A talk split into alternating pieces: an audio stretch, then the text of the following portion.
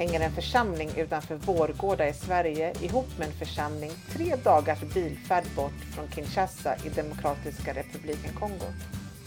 Svaret får du i detta avsnitt av Equmeniakyrkans En podd om internationell mission.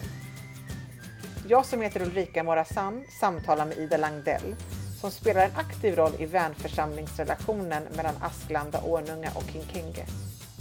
En relation som började för drygt tio år sedan när församlingen i Kikenge hörde av sig till Equmeniakyrkan i Sverige och önskade en vänförsamlingsrelation. Varför? För att inte känna sig bortglömda och för att två församlingar skulle kunna bära varandra i bön. Sedan dess har mycket hänt. Vill du lära känna Kinkenge? Vill du lära känna Asklanda Ornunga?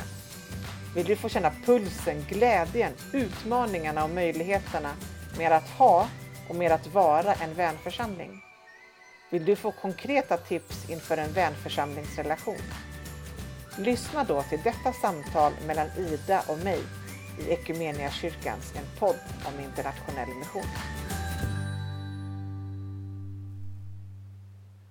Varmt välkommen till ett nytt avsnitt av Equmeniakyrkans En podd om internationell mission. Och ett särskilt välkommen till dig Ida. Tack så mycket. Du, idag ska vi prata du och jag och du ska få berätta en del om din erfarenhet av vänförsamling. Men innan vi går rätt in på det så skulle jag vilja få höra, vem är du Ida Langdell? Jag är uppväxt i församlingen Asklanda Ånunga i Vårgårda kommun. Men nu så bor jag i Halmstad och där jobbar jag som läkare. På fritiden så är jag scoutledare och jag är körsångare, gillar friluftsliv men också stolt eh, stora syster till fem småsyskon. Wow! De fem småsyskonen, hur ofta hinner du träffa dem? Eller det är en bit mellan As Halmstad och Asklund, Asklanda Ornunga? Ja, det blir um, några gånger per år som vi kan ses alla, hela familjen. Mm. Och du sa scoutledare och du sa körsångare. När du växte upp i Asklanda och Ornunga, var det något som du också sysslade med aktivt då? Ja, Asklanda Ornunga är ju en av väldigt många Ekumenia och Ekumenia kyrkan eh, församlingar i eh, bygderna. Så det är väldigt många som är aktiva både i scout och tonår och mycket gemensamma läger mellan församlingarna. Så det har varit en, en stor del av min uppväxt att vara i kyrkan. Mm. Om det nu är så här att någon som lyssnar aldrig har varit i Askland och Ornunga eller hört talas så mycket om Askland och Ornunga, hur skulle du beskriva din hembygd? Det, det ligger på landet så det är mycket skog. Vi har en sjö där vi badar eh, och eh, det finns en låg mellanstadieskola så att vi går, cyklar eller åker buss till skolan här de första åren och sen så åker vi, när vi ska till högstadiet och gymnasiet, till Vårgårda som är närmaste tätort. Och eh, byn är... Eh, det är väldigt mycket fint samarbete mellan eh, föreningarna och eh, kyrkorna.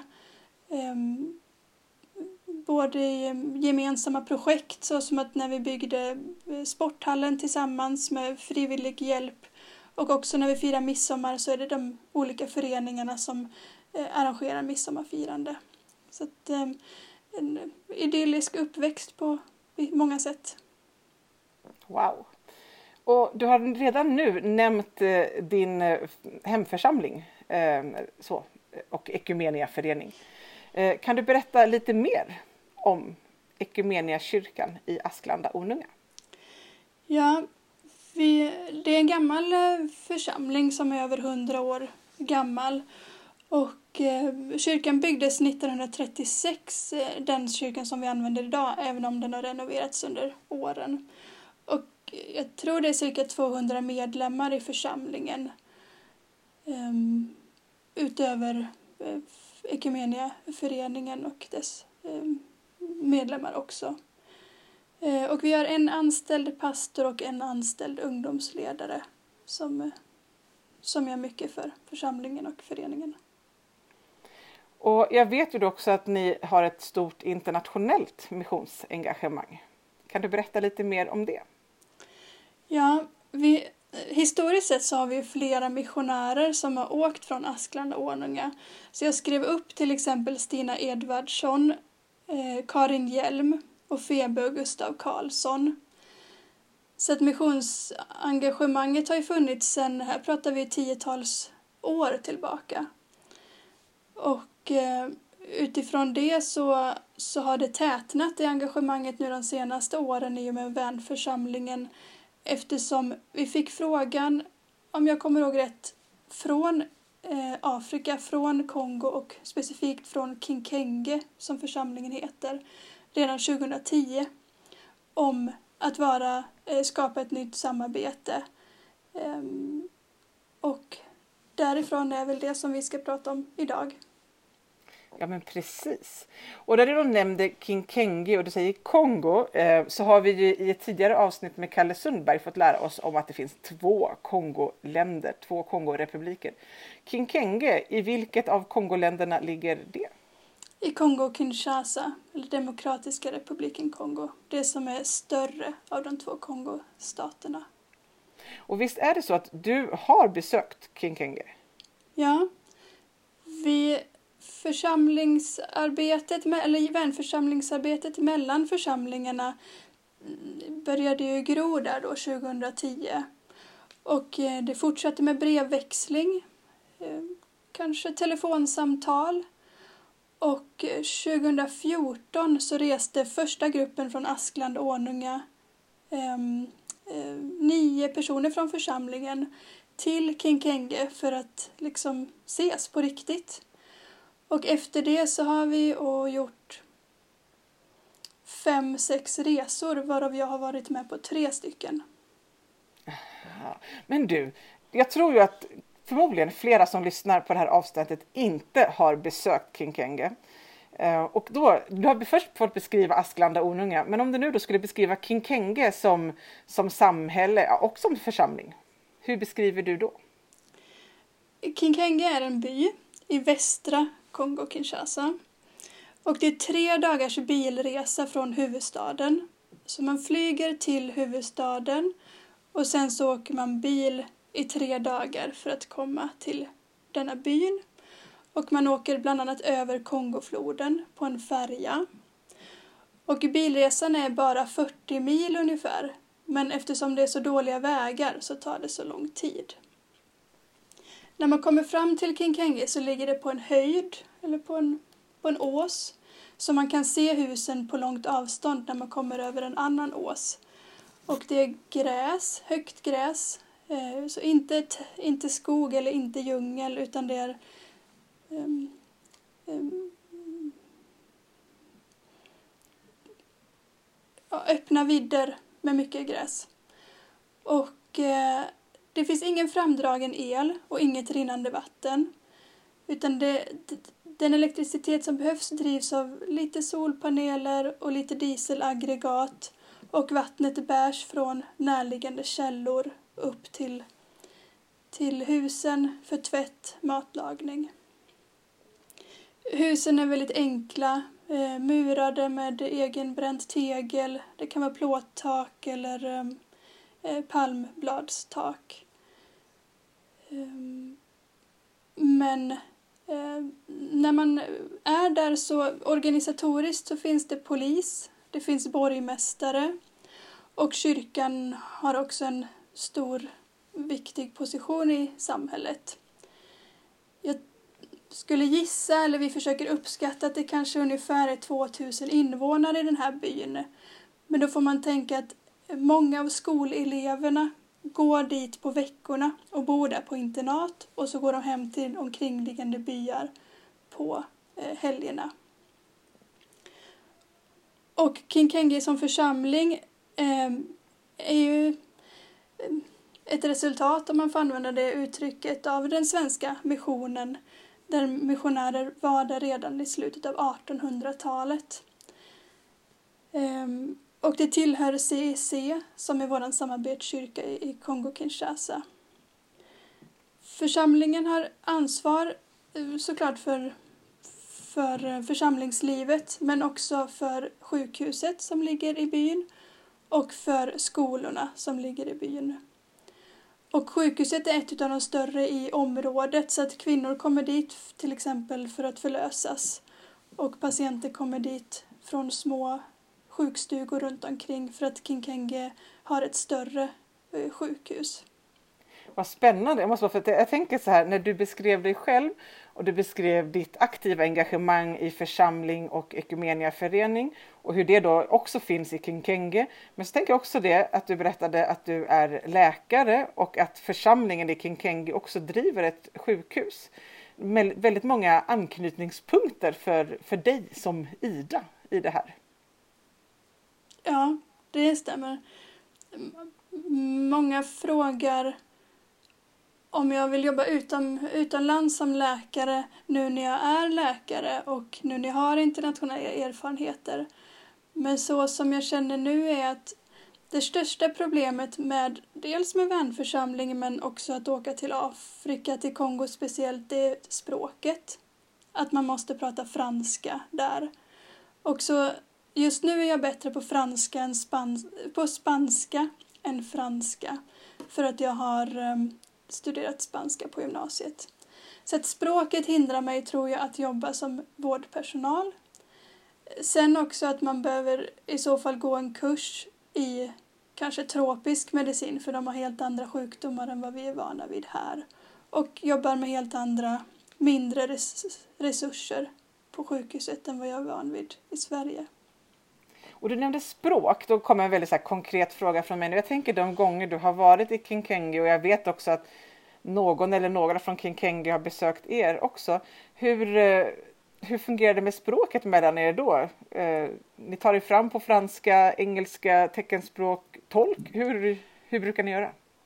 Eh, vi försöker, vi, eller vi har varit vi har varit glada att kunna ha med någon som är väldigt duktig på franska vid varje resa. Som kan eh, i alla fall eh, prata när det är de viktiga sakerna vi ska eh, prata om. Men sen vän, vänskapsrelationer eller att bara sitta vid elden och, och laga mat tillsammans, det går med teckenspråk. Och själv kör jag en mix mellan spanska och franska och hoppas att de förstår. Upplever du att de förstår? Jag ställer frågan för eftersom jag också har spanska som mitt främsta språk då, och jag vet att när jag jobbade som eh, SMUs och Ekumenias internationellt ansvarig så fick jag besöka båda Kongorepublikerna vid flera tillfällen och då gjorde jag så. Jag tog min spanska och försökte precis franska om den. Ja, det gick kanske inte alltid att ha djupare, djupare diskussioner, men eh, jag tyckte att det gick bra. Eller ja, jag vet inte. Jag kanske ska släppa den frågan.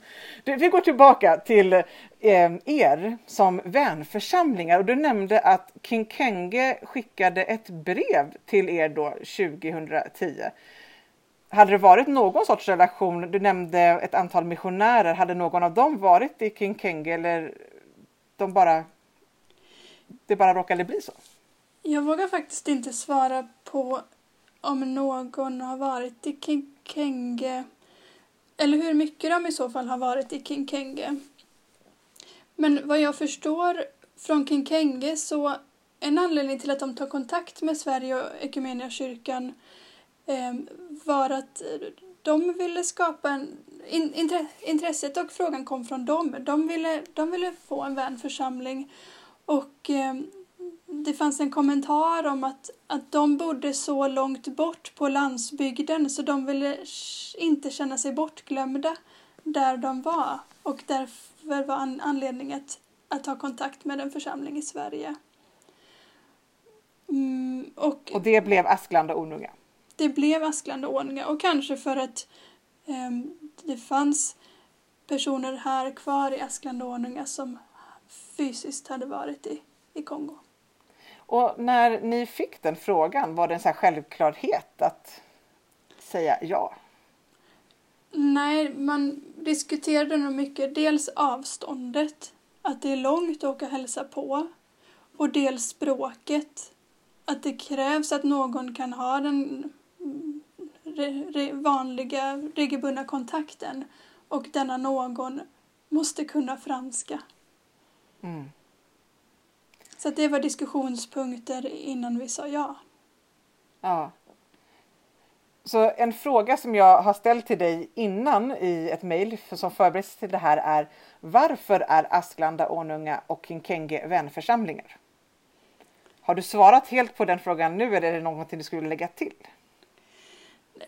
Jag vill säga att det, det som det började med, med brevväxling och det började med vissa telefonsamtal Eh, och eh, resan till Kinkenge var ju 2014, alltså bara några få år efter. Och jag tror att resan får vi anse som startskottet för då blev det mer personlig kontakt med församlingen där och församlingen här. Och då rent praktiskt så slöts ett femårsavtal om hur, vad vi tyckte det skulle ge och vad som krävdes av oss. Och mycket av det som stod i samtalet var ju att gemensamt lyfta varandra i bön eh, för, för att ha någon att be för och tänka och liksom hjälpa någon annan på avstånd. Så ni var tydliga mellan de två församlingarna eh, i stort sett från start på förväntningarna på, eh, på det här samarbetet, på den här vänförsamlingsrelationen, hör jag.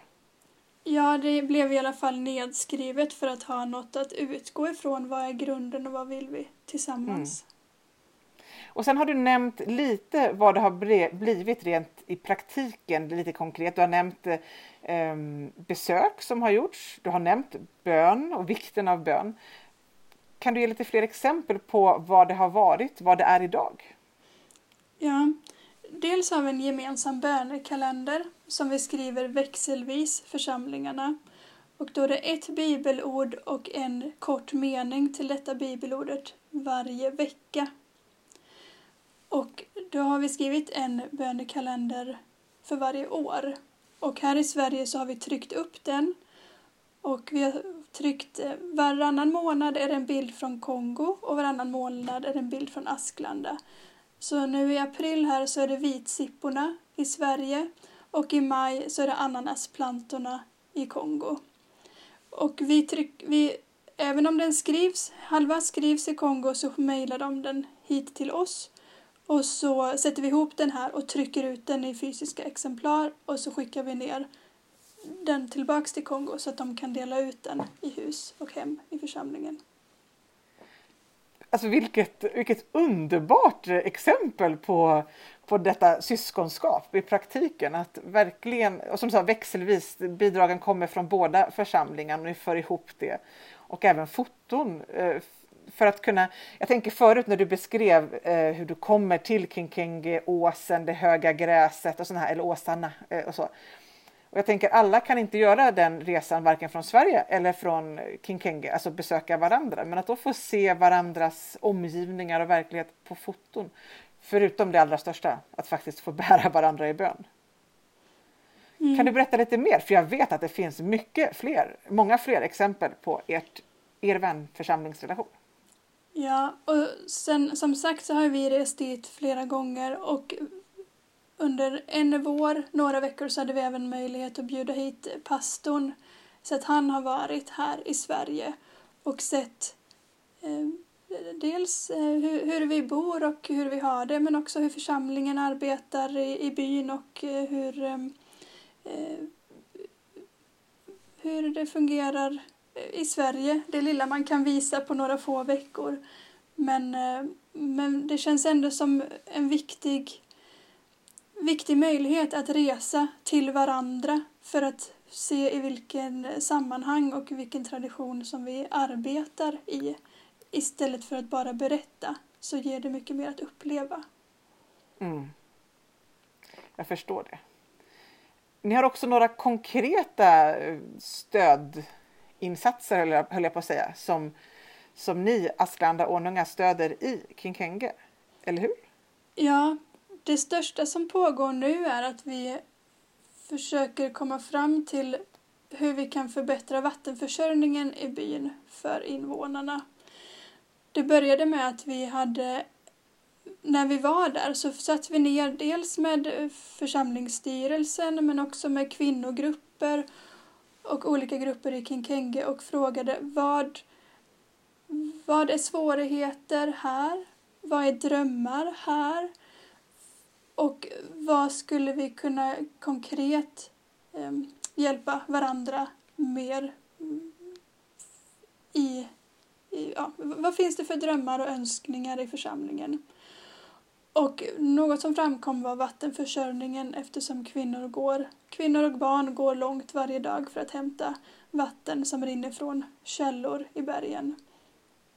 Och då eh, tog vi med oss den frågan till eh, Asklanda och jag har tagit beslut på att vi vill stötta ekonomiskt till att, att, att bygga någon slags vattenförsörjningssystem. Och efter det så har vi bett ingenjörer eh, i i Kongo eh, som har kontakt med Kinkenge att räkna ut hur man skulle kunna göra, vilken teknik man skulle kunna använda. Och därför har vi påbörjat eh, att bygga, eh, än så länge har vi börjat bygga närmast källan, att bygga en uppsamlingsbassäng och ehm, eh, växter som ska vara fram till det så vattnet ska renas. Och målet är att kunna på något sätt föra vattnet från källan fram till centrala delen av byn.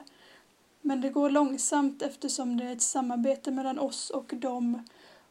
Och det går lättare att göra det när man är på plats, att ha de här små frågorna. Ska vi göra så här eller ska vi göra så här? Vad tycker ni? Nu när vi inte har varit där på några år så är det svårare att ta det över telefon. Och långsamt är ju inte alltid fel.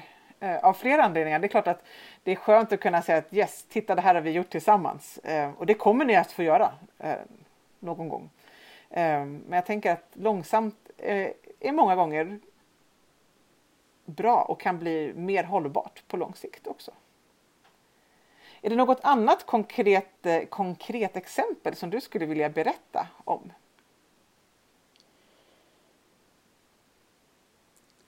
Nej, jag vill framhålla den svårigheten med ehm, eller den dagliga kontakten eh, sköts per telefon och på brev.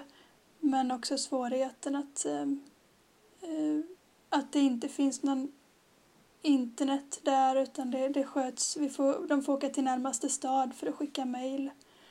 Och um, telefonledningarna är, är svåra att få kontakt med och det behöver vara på franska.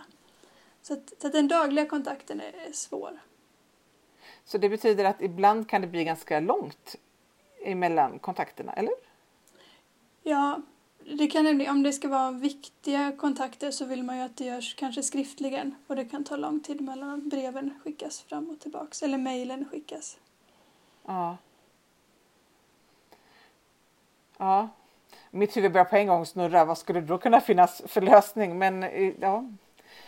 Oj. Ja. Men ni håller i ändå, hör jag. Alltså trots denna utmaning. Om du skulle säga vad det ger eh, ja, er, men också vad det skulle ge generellt om man säger så, för en församling att ha en vänförsamling. Och inte bara att ha en vänförsamling utan också vara, alltså att det är en där det, båda församlingarna är vänner med varandra. Så. Eh, vad skulle du svara då? Vad det ger? Vad det kan ge?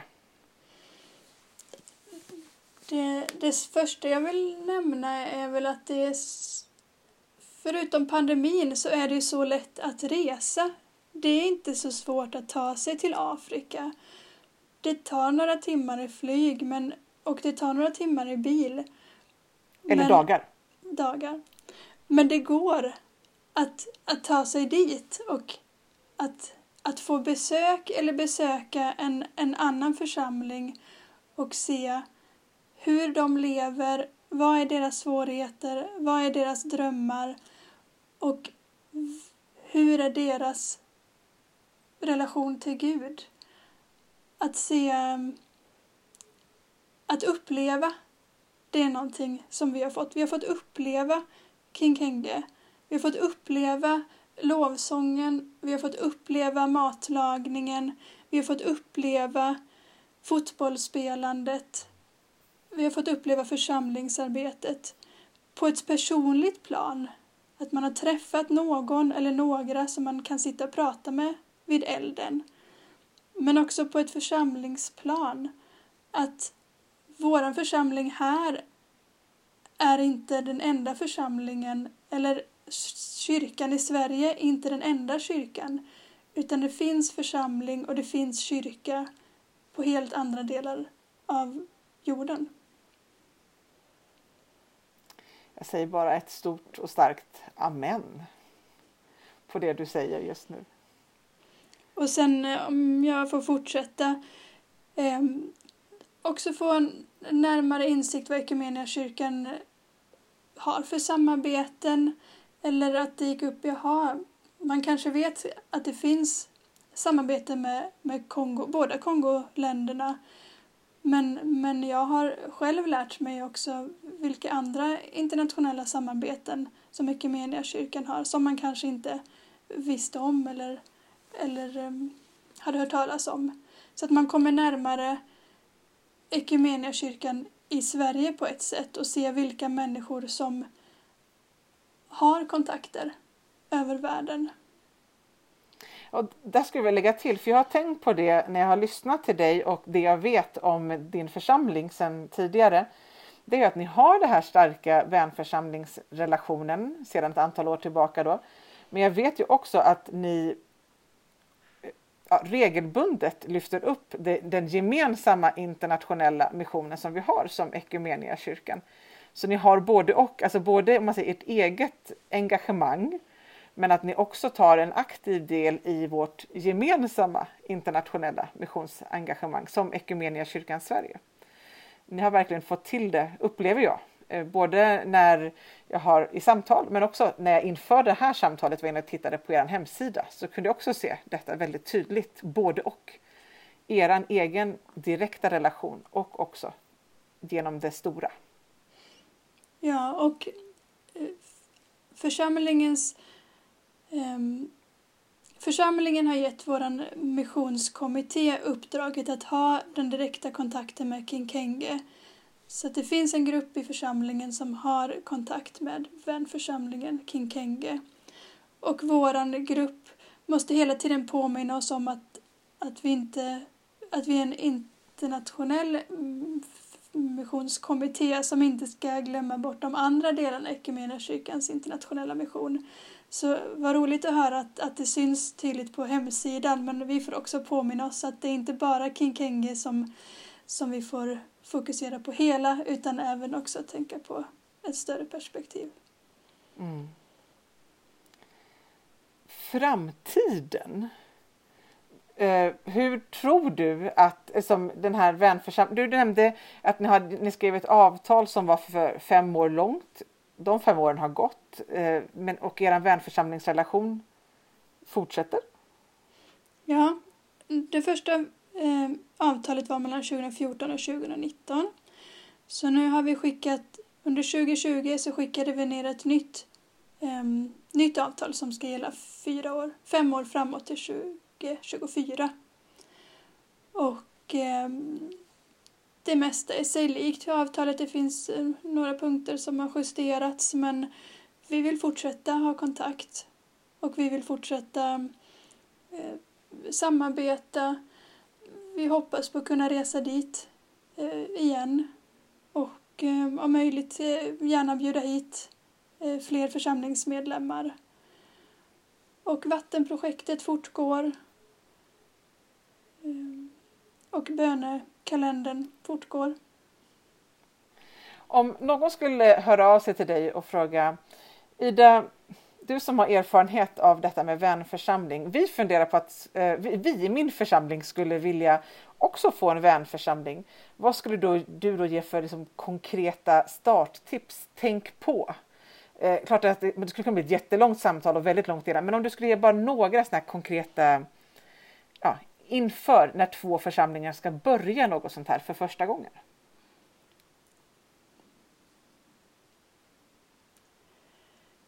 I den egna församlingen tror jag att det är klokt att välja ut några som är intresserade, som kan ta lite mer ansvar för att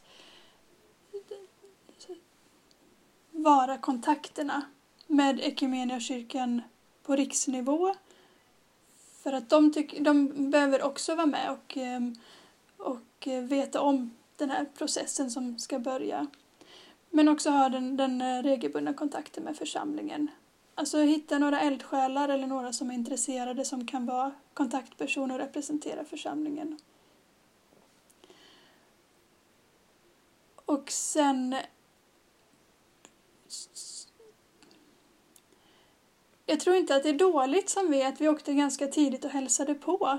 Jag tror att det är en bra start att se, men va, lära känna vad är det här för församling och i vilken, vilken eh, kontext arbetar de? Och vad har de för svårigheter och vad har de för drömmar? Mm. Att lära känna varandra tidigt eh, personligt. Och så har du också nämnt detta med att tänka på hur kan vi kommunicera med varandra?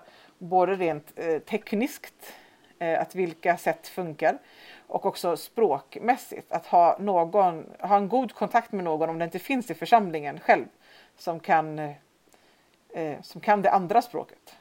Ja, om man ska vara rent praktisk så är det ju smidigt att ha någon som kan det språket som, som talas i det landet. Det mm. underlättar mycket. Jag vet att, eh, och du har själv sagt det, att internationell mission betyder mycket för dig. Och hur ser din, hur tänker du, din, nu har vi pratat om Asklanda, Ornunga, Kinkenge och så här, men din framtid eh, och kopplat till internationella, internationell mission, vad drömmer du om? Mitt intresse med internationell mission, den eh, fanns inte så mycket innan vi hade vänförsamlingen. Utan jag blev meddragen och jag kunde resa med till Kongo så jag sa gärna, jag hänger på. Men sen när man kommer dit så, så är det jätteroligt att se någonting annat och, och se hur kyrkan är där och jämföra med hemma. Och så blir man lite mer och mer intresserad och man träffar fler och fler som har varit utomlands och fler och fler i Sverige som har samma engagemang som en själv och intressen. Och nu framöver så hoppas vi, nu är vi några, nästa konkreta plan är att vi är några stycken sjukvårdsutbildade personer, eh, ungefär i min ålder, som önskar åka till Kongo, eh, någon av Kongoländerna och se vården där. Kanske inte tillföra vårdarbete, men ändå eh, se, observera, lära känna och eh, uppleva för att fortsätta kontakterna som representanter från kyrkan och fortsätta kontakterna med den kongolesiska kyrkan. Och då vet jag att när ni tillsammans har drömt och visionerat om detta så tog ni också en tidig kontakt med en eller flera av mina kollegor på kyrkans nationella kansli. Um, för att, som du sa, göra det här tillsammans och kunna vara kyrkans representanter när ni, när ni reser till Kongo. Ida, vi börjar närma oss eh, slutet på vårt samtal så vill jag fråga dig fem snabba frågorna. Då kommer fråga ett. Om jag säger Kongo-Kinshasa, vad tänker du då på först?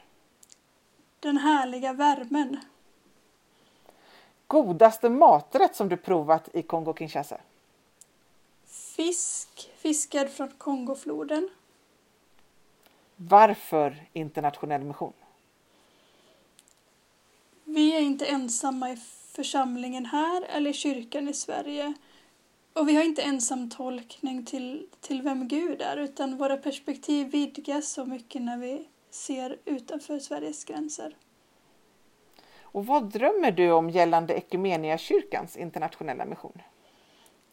Att skapa möjligheter för unga att fort, ha, fortsätta den internationella missionen med kurser, med resor, med engagemanget som startas från Ekumenias eh, kurser så att inte intresset dör utan fortsätter eh, till den nya generationen och ditt bästa missionstips till lyssnaren? Att det inte är svårt att komma iväg. Bortsett från pandemin, så bara ta kontakt med någon, gör upp en planering det finns jättemånga kontakter över hela världen um, som kyrkan har. Så bara åk. Tack så jättemycket för det här samtalet idag Ida. Det har varit så intressant att uh, lyssna till dig. Att få lära känna Asklanda, Ånunga och Kinkenge på ett bättre sätt. Och våra varmaste, mina varmaste hälsningar till Asklanda, Ånunga och till Kinkenge. Må Gud fortsätta att välsigna er som församlingar och må Gud fortsätta att välsigna dig Ida. Tack så mycket. Vad roligt att få, få dela våra tankar på Asklanda.